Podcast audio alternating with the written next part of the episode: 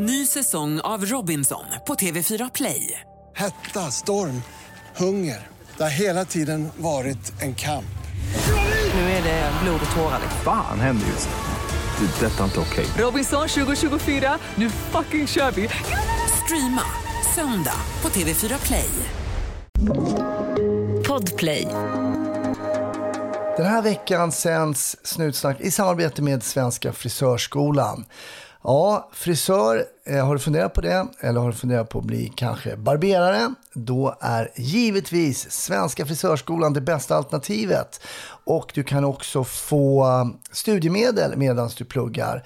Gå in på svenskafrisörskolan.se och läs mer där, för nu är den nya antagningen öppnad här för våren 2023. Svenskafrisörskolan.se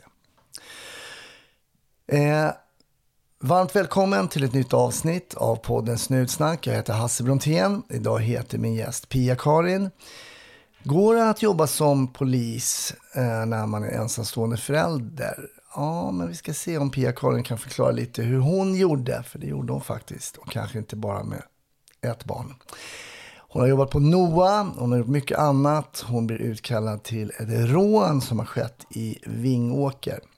Men glöm inte att du kan få podden helt komplett, helt utan reklam och en dag tidigare än alla andra. Patreon.com snutsnack. Fem dollar per månad är det ju faktiskt värt tycker jag. Men nog tjatat om det. Var försiktig där ute och så hoppas jag att du får en riktigt trevlig lyssning. 13, 10, 70, kom. 1310 Odengatan kom. Ja, det är uppfattat. Vi tar det. Slut. Bra. Klart slut. Hej Pia-Karin! Hej Hasse! Varmt välkommen till, eh, till Snutsnack! Tack! Sitter i centrala Stockholm här. Vi har försnackat in oss lite grann. Ja, alldeles för mycket bara för att du också har jobbat som polis. Det blir ju så, det blir ju så. Eh, när, du, jag vet att du har jobbat i en mindre ort, vi kommer till det sådär, men det är så olika infallsvinklar på hur folk blir poliser. Liksom. Hur var det för dig? Var det något så här, åh, jag drömmer om att bli polis? Eller? Jag eh, ville göra något spännande. Från, från allra första början så ville jag nog bli reseledare och eh, gick en re, reseledarkurs i Österrike. Eh, kom inte in där och eh, men sen var det ju det var ju polisen som jag verkligen, jag ville bli polis. Mina föräldrar tyckte inte det. Eh, De tyckte jag skulle bli lärare, så jag var ju duktig flicka och gick tio veckor på lärarhögskolan. Alltså, du gjorde det? Ja, det gjorde jag, för det var, ju, det var ju enkelt och smidigt där jag bodde. Men jag bara, nej. Det var nog väldigt modigt av mig att gå emot deras vilja, vilket jag gjorde. Att, nej, jag ska bli polis. Och jag kom in sen, första ansökan. Så Du kom inte in som reseledare, men polisen går bra. Ja. De tog, de tog en, kom in på den reseledaren. Eh, och eh, han blev sen polis, den killen. För jag träffade honom på polisskolan. Jaha. Mm. Alltså ni gick samma kurs? Ja. Ja men det var lite roligt. Så att, eh, när jag var på den här, det var ju en vecka nere i Bad Hofgarstein var vi och det var ju fantastiskt roligt. Det var ju bara bus en hel vecka. Det var ju en rolig grej. Det var ju inte så att jag trodde att jag skulle bli reseledare. Eh, och då var det ju en kille där som också gjorde det här. Men han hade kommit in på polisskolan men valde, för han fick tjänst. Så han var reseledare ett tag och sen jag började på polisskolan och sen sista terminen som jag var där då. Först gjorde man ju skolan, praktik och sen gick man ett halvår. Då träffade jag honom. Då hade han kommit tillbaka och då skulle han bli polis. Ja. Och vad, vad, vad var liksom medelåldern på folk i din klass då? När var det här? Vilket år gick du? Januari 92 började jag och eh, jag var näst yngst. Jag skulle fylla 22 när jag började. Vi hade en yngre tjej som var 21. Eh, vi var ganska unga tycker jag. Det var någon som var runt 35 och var väldigt gammal. Oj, oj, oj, så gamla Ja. kompisar. Ja. Nej men det var ju så. Det, det är ju annorlunda idag. Ja. Och de som var i klassen då, vad var det för människor? Ja, vad Kunde man se någon röd tråd, tycker du? Eller var det... Nej. Nej, det tycker jag nog inte. Alltså många hade ju haft sådana här extra jobb. De hade jobbat som lärarvikarier, gympalärare, brevbärare, ja men alla möjliga saker för att de sen ville bli poliser. Sen hade vi faktiskt eh, eh, skolprästen blev polis. Jag tror att det var, om jag inte minns rätt, att Var det han var långa? under, ja det vet jag inte om han var lång, men han, var ju, han hade ju varit präst på skolan. För det var ju, han var ju präst när jag gick på skolan. Ja, men precis. Och sen så snackade de om att han, han, att han sa att han skulle söka och sen blev han ju polis också. Ja, Just det, men det stämmer nog. och han var ju, han var ju riktigt gammal. Ja, men han måste ha varit över 40. Ja, Riktig gammal gubbe. ja Nästan på den tiden ska man väl säga. Då tyckte man ju, när man var själv 22, så var ju över 40 år Ja, det är så gammal. relativt med ålder verkligen. Jag kommer när jag gjorde lumpen, det var vårt befäl. Han var riktigt gammal tyckte jag. Han var 27 då. Ja, Och man kom direkt från gymnasiet till 27, han var nästan 30 bast. Ja. ja, det är verkligen relativt alltså. Okej, ja, men jag tyckte den utbildningsformen var rätt bra. Nu har jag bara gått den själv. Men det var ju liksom skolan tio månader, ett och ett halvt år ute och sen var det fyra månader tror jag på skolan igen va? Eller var det sex? Ja alltså jag, det, det blev ju tre år totalt. Ja. Eh, ja, jag tycker det var jätte, jättebra för att då pluggade vi ju ett år och fick teorin. Sen fick man ju ut och öva på det här. Och sen så föll det liksom ihop sen på skolan när man hade både pluggat och jobbat. Och sen sista, då, då gjorde vi om det. Hade, ni hade väl likadant? Mm, det jag? samma upplägg. Ja. Tyckte det var bra. Och, men också då visste du var du var placerad redan när du kom till skolan? Ja, Då? jag hade ju den här turen att jag var ju bland de sista som hade lön under skoltiden. Och eh, jag har för mig att det var någonstans där vi fick ut 5 800 kronor efter skatt. Perfekt. Ja, men, men liksom bara det att inte behöva ta studielån. Nej. Vi hade sparat lite pengar så att ja, men det räckte. Nej, men det var ju en av, i alla fall för mig, så var det en starkt bidragande orsak att man liksom, om jag kommer in så kommer jag få lön när jag pluggar. Sen, sen var väl inte det den största lönen, men ändå. Nej, det var det inte. Nej. Men som sagt, ingen, min brorsa pluggade samtidigt till tandläkare och han hade ju rätt mycket studielån. Ja. Och sen tror jag att vi hade, ja, vi hade under 15 i alla fall när vi startade som eh, polisassistent. Ja. När jag kommer ihåg det där 15 000 nu. Facket, eh, det var ju Gunno Gunmo som var fackordförande. Och ehm, ja, det blev väl det till slut. Men jag tror inte det blev det precis då. Men, ja. men okej, då kommer du vart hamnar du på din praktik? Ja, jag eh, hamnade i Katrineholm. Mm, Har du dina rötter där eller? Jag är uppvuxen i Malmköping. Så det är ju Sörmland. Ja, precis. Ja. Eh, Och när jag sökte, jag gick ju gymnasiet i Eskilstuna och jag sökte ju till Eskilstuna. Men då skulle man bara ha en polis dit och man skulle ha två till Katrineholm. Så då ringde de och frågade om jag kunde söka Katrineholm och jag ville ju bli polis så jag sa ja. Jag hade inte varit speciellt mycket i Katrineholm utan det blev ju alldeles nytt. Kommer dit, skaffa boende. Ja, Och hur kändes det då att komma till en ny stad och sådär? Nej, men det var ju spännande. Ja. Ja. Men sådär som ung tjej då, kom ut och var eh, polis. Var du förberedd för det som du mötte när du kom till liksom, ditt nya jobb där? För du är ändå, när man kommer ut, även om man är på praktik som man kallar så är man ju ändå polisman som det hette. Man liksom, en polismans befogenheter och har egentligen allt i alla fall. Men hur, hur var det? Jag tycker att det har gått jättebra. Det är inte ofta jag har behövt använda våld, utan jag har kunnat prata om kullfolk. Sen så hade jag ju en grej som jag tyckte var lite roligt. Eh, när jag gick skolan så hade vi olika, det var ju olika för killar och, och eh, tjejer med testerna. Och jag bestämde mig för att jag skulle klara killarnas tester. Så jag gjorde det. Så jag sprang ju på killarnas tid, simmade och eh, det var hinderbanan. Eh, Bänkpress. Bänkpressen också. Så att eh, om någon sa någonting om inkvotering och sådana här saker så kunde jag ju säga att. Hörru du, ja. jag är faktiskt godkänd på killarnas tester. Hur kom du på den idén? Nej, men jag, jag var vältränad och jag var stark och varför inte? Ja. Och det var ju lite, alltså jag tror att det gjorde mig lite kaxig kanske. Att, eh, ja, Gav det dig liksom en extra boost också på något sätt? Att du liksom ändå var i nivå där att inte körde... Alltså boostade det dig Bara, jag är lika stark, jag har klarat alla de, andra, alla de, de tuffaste testerna så att säga. Det var, nog, det var nog mer så att jag kände mig trygg i mig själv. Att, att ingen ska komma och tala om för mig att jag är en liten tjej som inte kan. Så att jag behövde inte använda mig av det. Utan det var liksom, det var nog, satte sig i min självkänsla.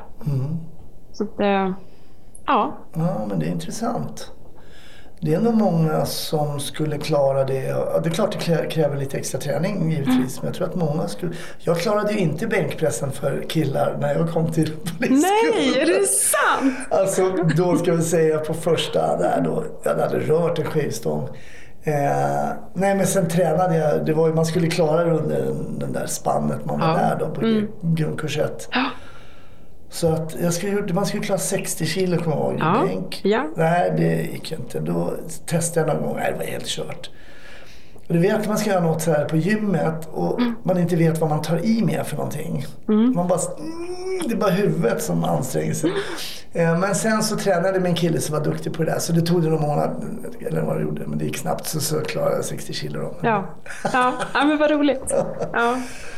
Ja, för det var inte sådana omöjliga eh, nivåer. Nej, absolut inte. Det här, alltså vill man och man tränar så klarar man det. Ett poddtips från Podplay. I podden Något Kaiko garanterar östgötarna Brutti och jag, Davva, dig en stor dos skratt. Där följer jag pladask för köttätandet igen. Man är lite som en jävla vampyr. Man har fått lite blodsmak och då måste man ha mer. Udda spaningar, fängslande anekdoter och en och annan arg rant. Jag måste ha mitt kaffe på morgonen för annars är jag ingen trevlig människa. Då är du ingen trevlig människa, punkt. Något Kaiko, hör du på Podplay. Därför är gardinerna. Hur var dina handledare och så här? Det är ju många år sedan. Ja, alltså jag minns ju min handledare som jag hade. Jag kom ju till krim, om jag minns rätt, i början. Eh, och eh, ja, det var en häftig man.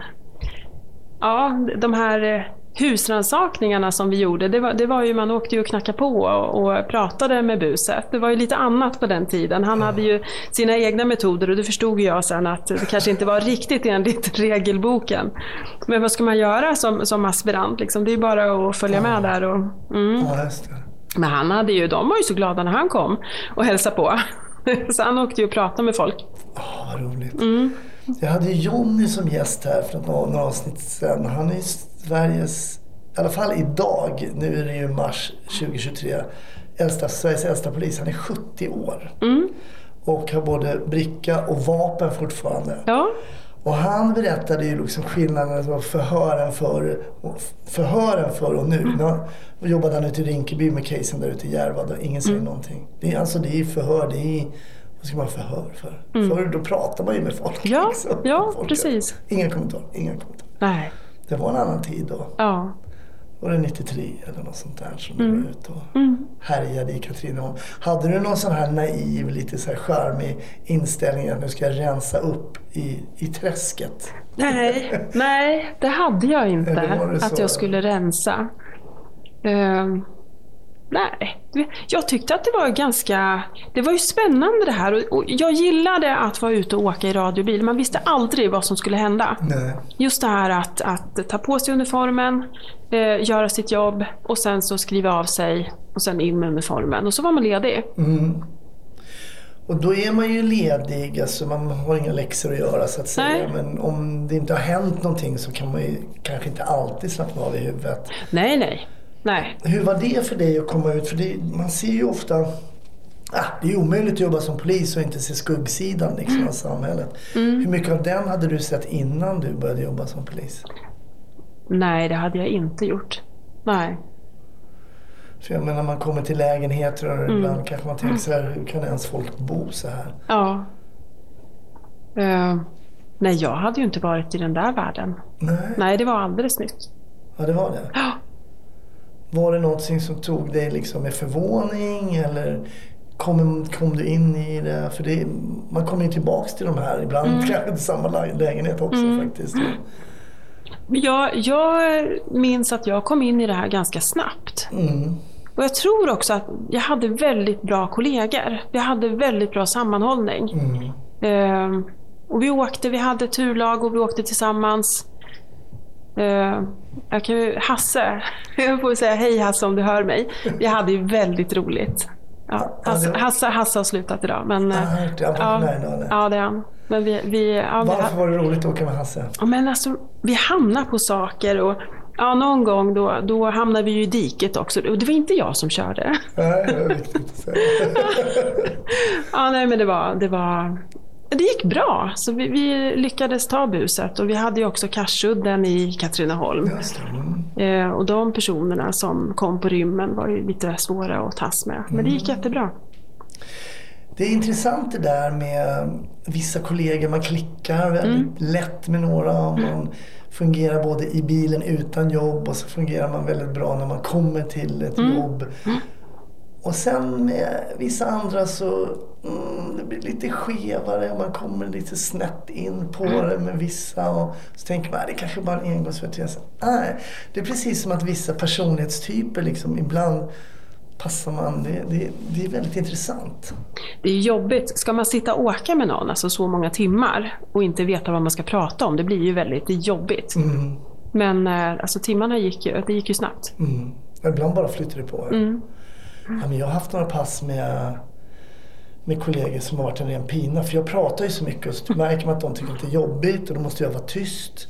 Och då lider jag.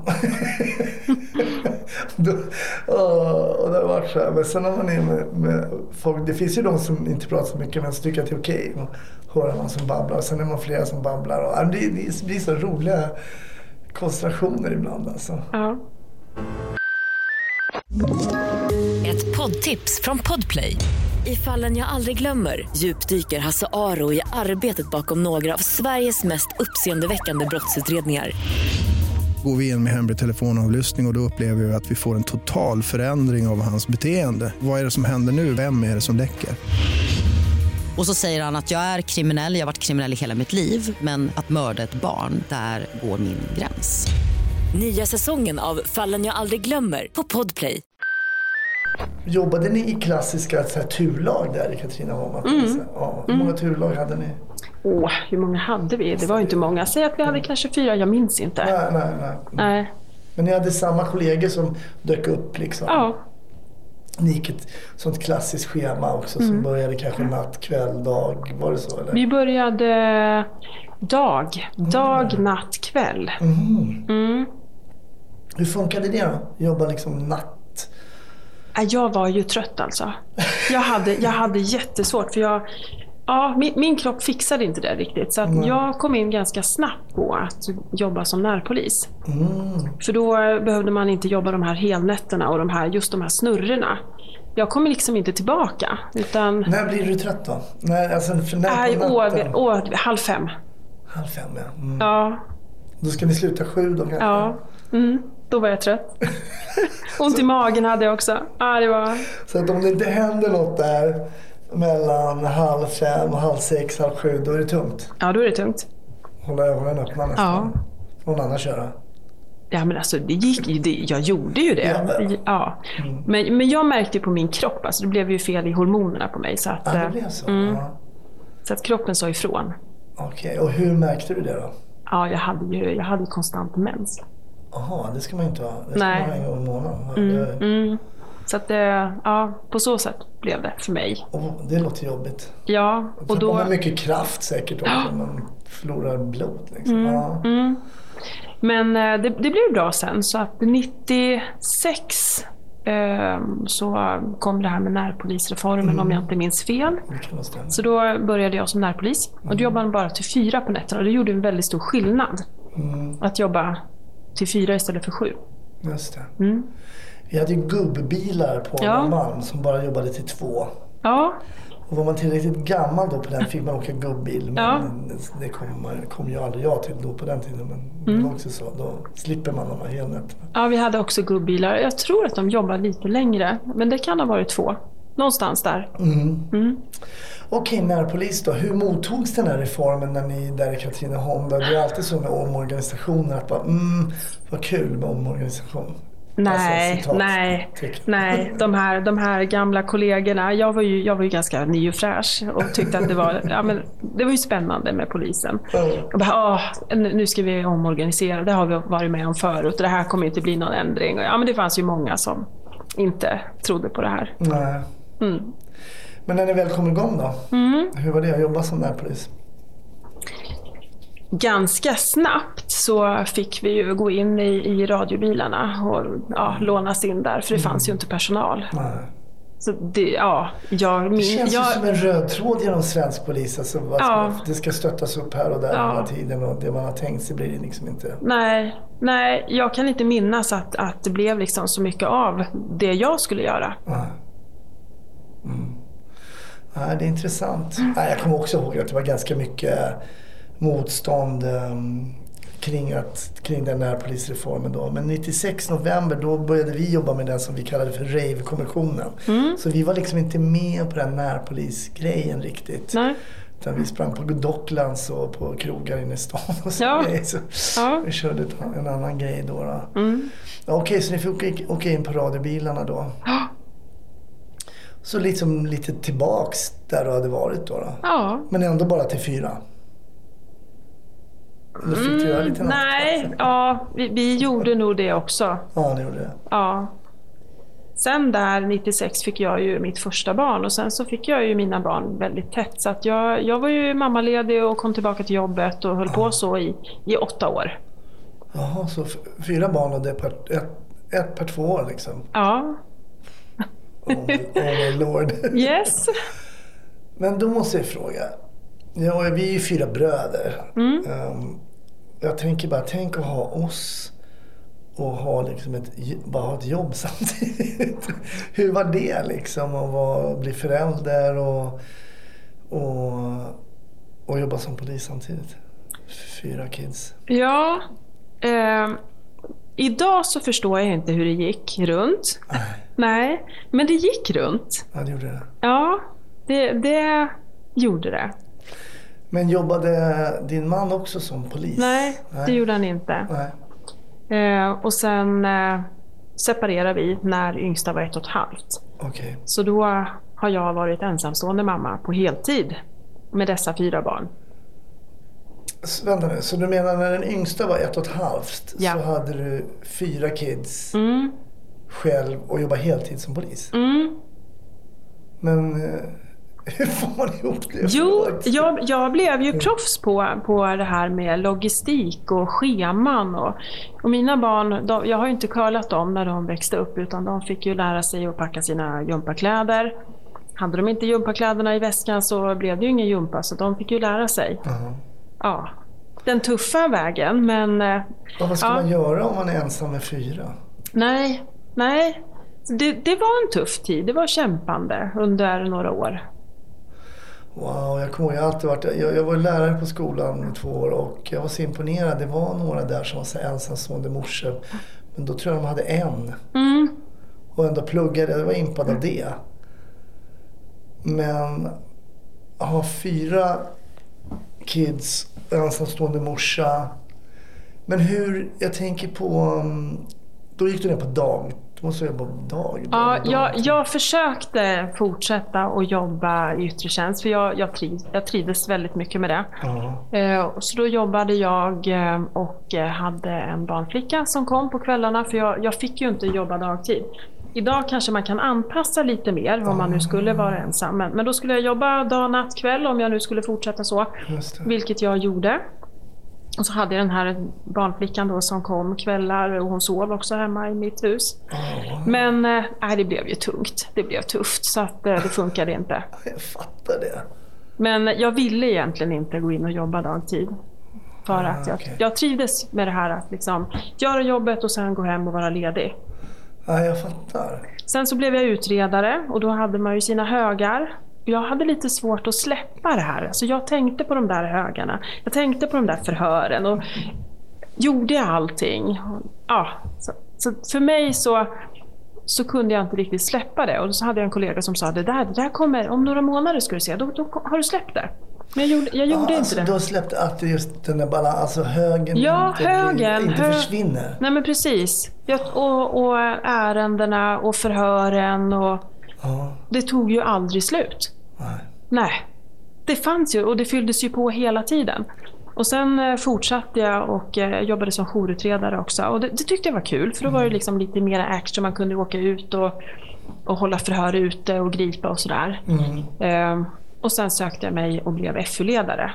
Men där hade du ju verkligen högar. För då var ju jag ansvarig för att ta besluten om husrannsakan, inleda FU och eh, ja, Kollade du på, när du fick in dina case där så gav, skulle du ge ut dem till dina utredare då. Mm.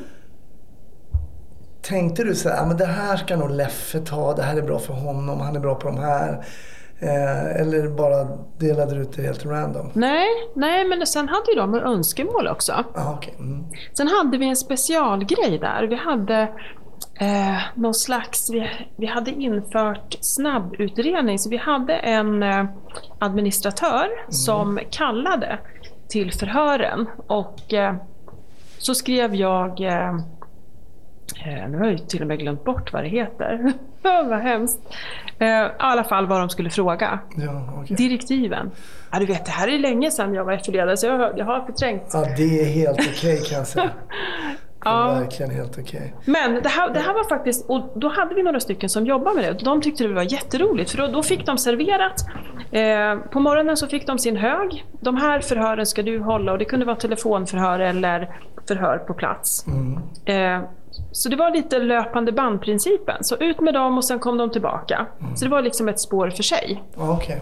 Sen hade vi några som ja, tyckte att det var roligare att hålla på med mängdbrott. Någon kanske tyckte det var roligare med narkotikabrott och då fick de välja lite. Mm, okej. Mm. Och de beslut som du fick då, du hade väl gått någon F-ledarutbildning då antar jag? Ja, yes. Så du får som F-ledare också i vissa fall, ehm, fick du ta beslut om husrannsakan till Mm. exempel och sådana Mm. saker? Ja. Har du något roligt case från den tiden? Ja, det, det har jag faktiskt. Eh, Ja, eller roligt och roligt men... men eh, Något minne som dyker upp liksom? Ja, alltså vi, hade ju, vi hade ju väldigt mycket cykelstölder i Katrineholm. Okej. Eh, och eh, då hade vi ju en, eh, en cykeltjuv som man kan säga. Ja. Som hade, han hade lyckats att få fram så falska kvitton så det såg ut som att det var okej. Så folk som köpte cyklar av honom trodde att de fick ett kvitto, att han hade köpt den där cykeln. Eh, nej, men, nej, men vi, vi, vi kunde liksom få hål på den här verksamheten och det var ju väldigt mycket cyklar. Eh, smart sätt hur han hade lyckats att få de här och eh, även tagit hjälp av kumpan och hur han har placerat ut cyklarna när de skulle säljas och så vidare. Så att, eh, mm. Det är så intressant eh, när man tänker så här. Jag tror att en del någon säger att min cykel blev stulen och jag...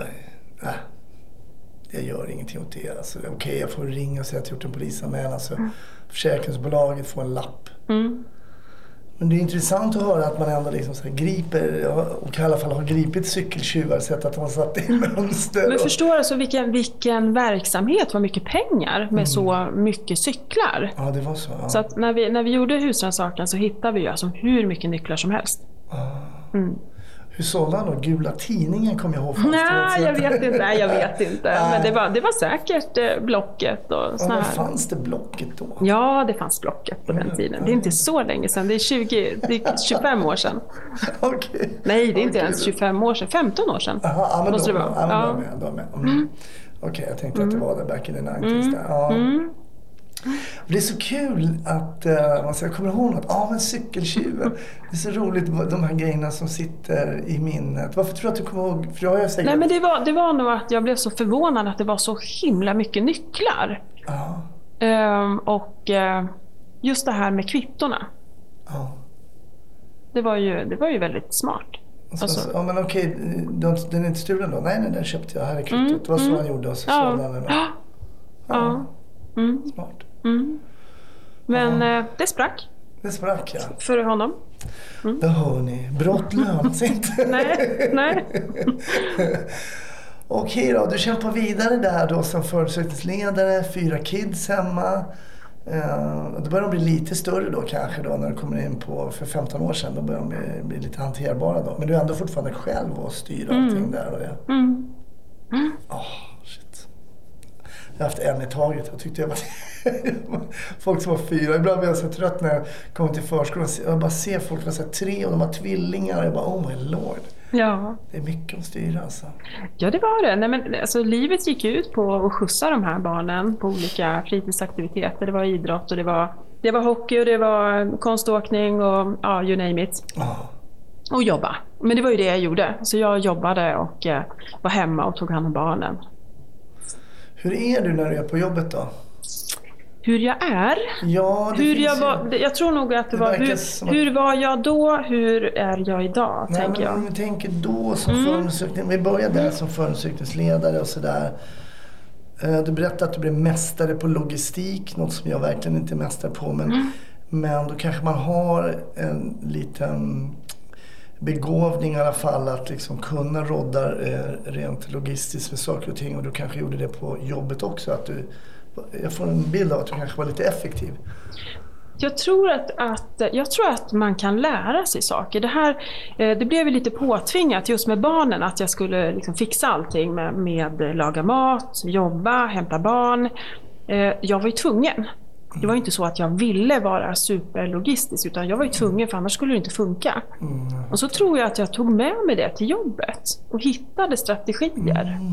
Så att idag eh, när jag bara har ett, en son som bor hemma så har jag all tid i världen. Alltså jag har ju oceaner av tid. Eh, och, och jag kan ju bli, kan ju bli lite uttråkad så att jag vill ju ha utmaningar.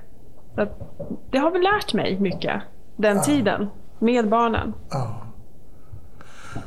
Ja, där hör ni. Skaffa fyra barn blir bra poliser. Ja. det, kanske, det kanske är den hårda vägen då i och för sig. Att man måste lära sig logistik på det sättet. Men jag, jag, jag brukar prata med mina barn. Jag, jag har ju lite dåligt samvete för det var ju väldigt mycket jobb och jag jobbade extra. Det, alltså det var ju tungt att dra runt. Eh, jag valde ju att bo kvar i villan med barnen för att jag ville att de skulle ha det bra. Mm. Och eh, då blev det mycket jobb liksom att få ekonomin att gå ihop och allt det här. Och, eh, sen hade jag ju min mamma när de var lite äldre. Så pappa blev ju sjuk och då kunde mamma finnas lite där när jag jobbade och så. Mm, jag fattar.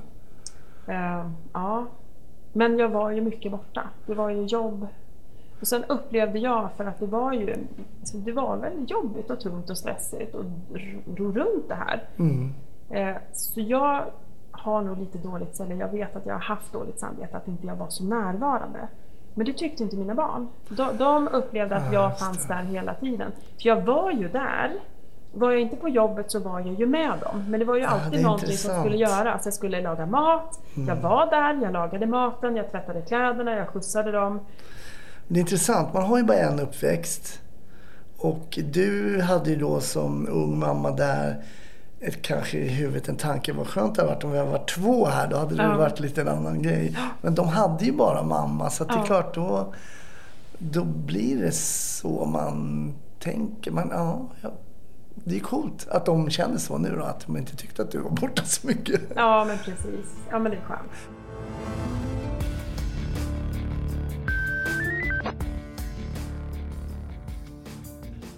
Där rundar vi av podden för den här veckan för dig som inte är Patreon. Men fortsättningen finns givetvis på patreon.com snutsnack där du också får podden en dag tidigare helt reklamfri. Ja, smit in och bli Patreon idag. Om inte du vill göra det, för det är givetvis helt frivilligt, så hörs vi givetvis i nästa vecka när jag har en ny spännande gäst. Jag hoppas att vi hörs då. Ha det fantastiskt fram tills dess. Ha det fint. Hej.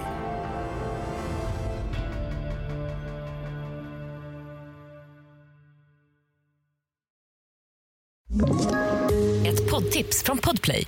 I podden Något Kaiko garanterar östgötarna Brutti och jag, Davva, dig en stor dos skratt. Där följer jag pladask för köttätandet igen. Man är lite som en jävla vampyr. Man har fått lite blodsmak och då måste man ha mer. Udda spaningar, fängslande anekdoter och en och annan arg rant. Jag måste ha mitt kaffe på morgonen för annars är jag ingen trevlig människa. Då är du ingen trevlig människa, punkt. Något Kaiko, hör du på Podplay. Därför arkadeinerna.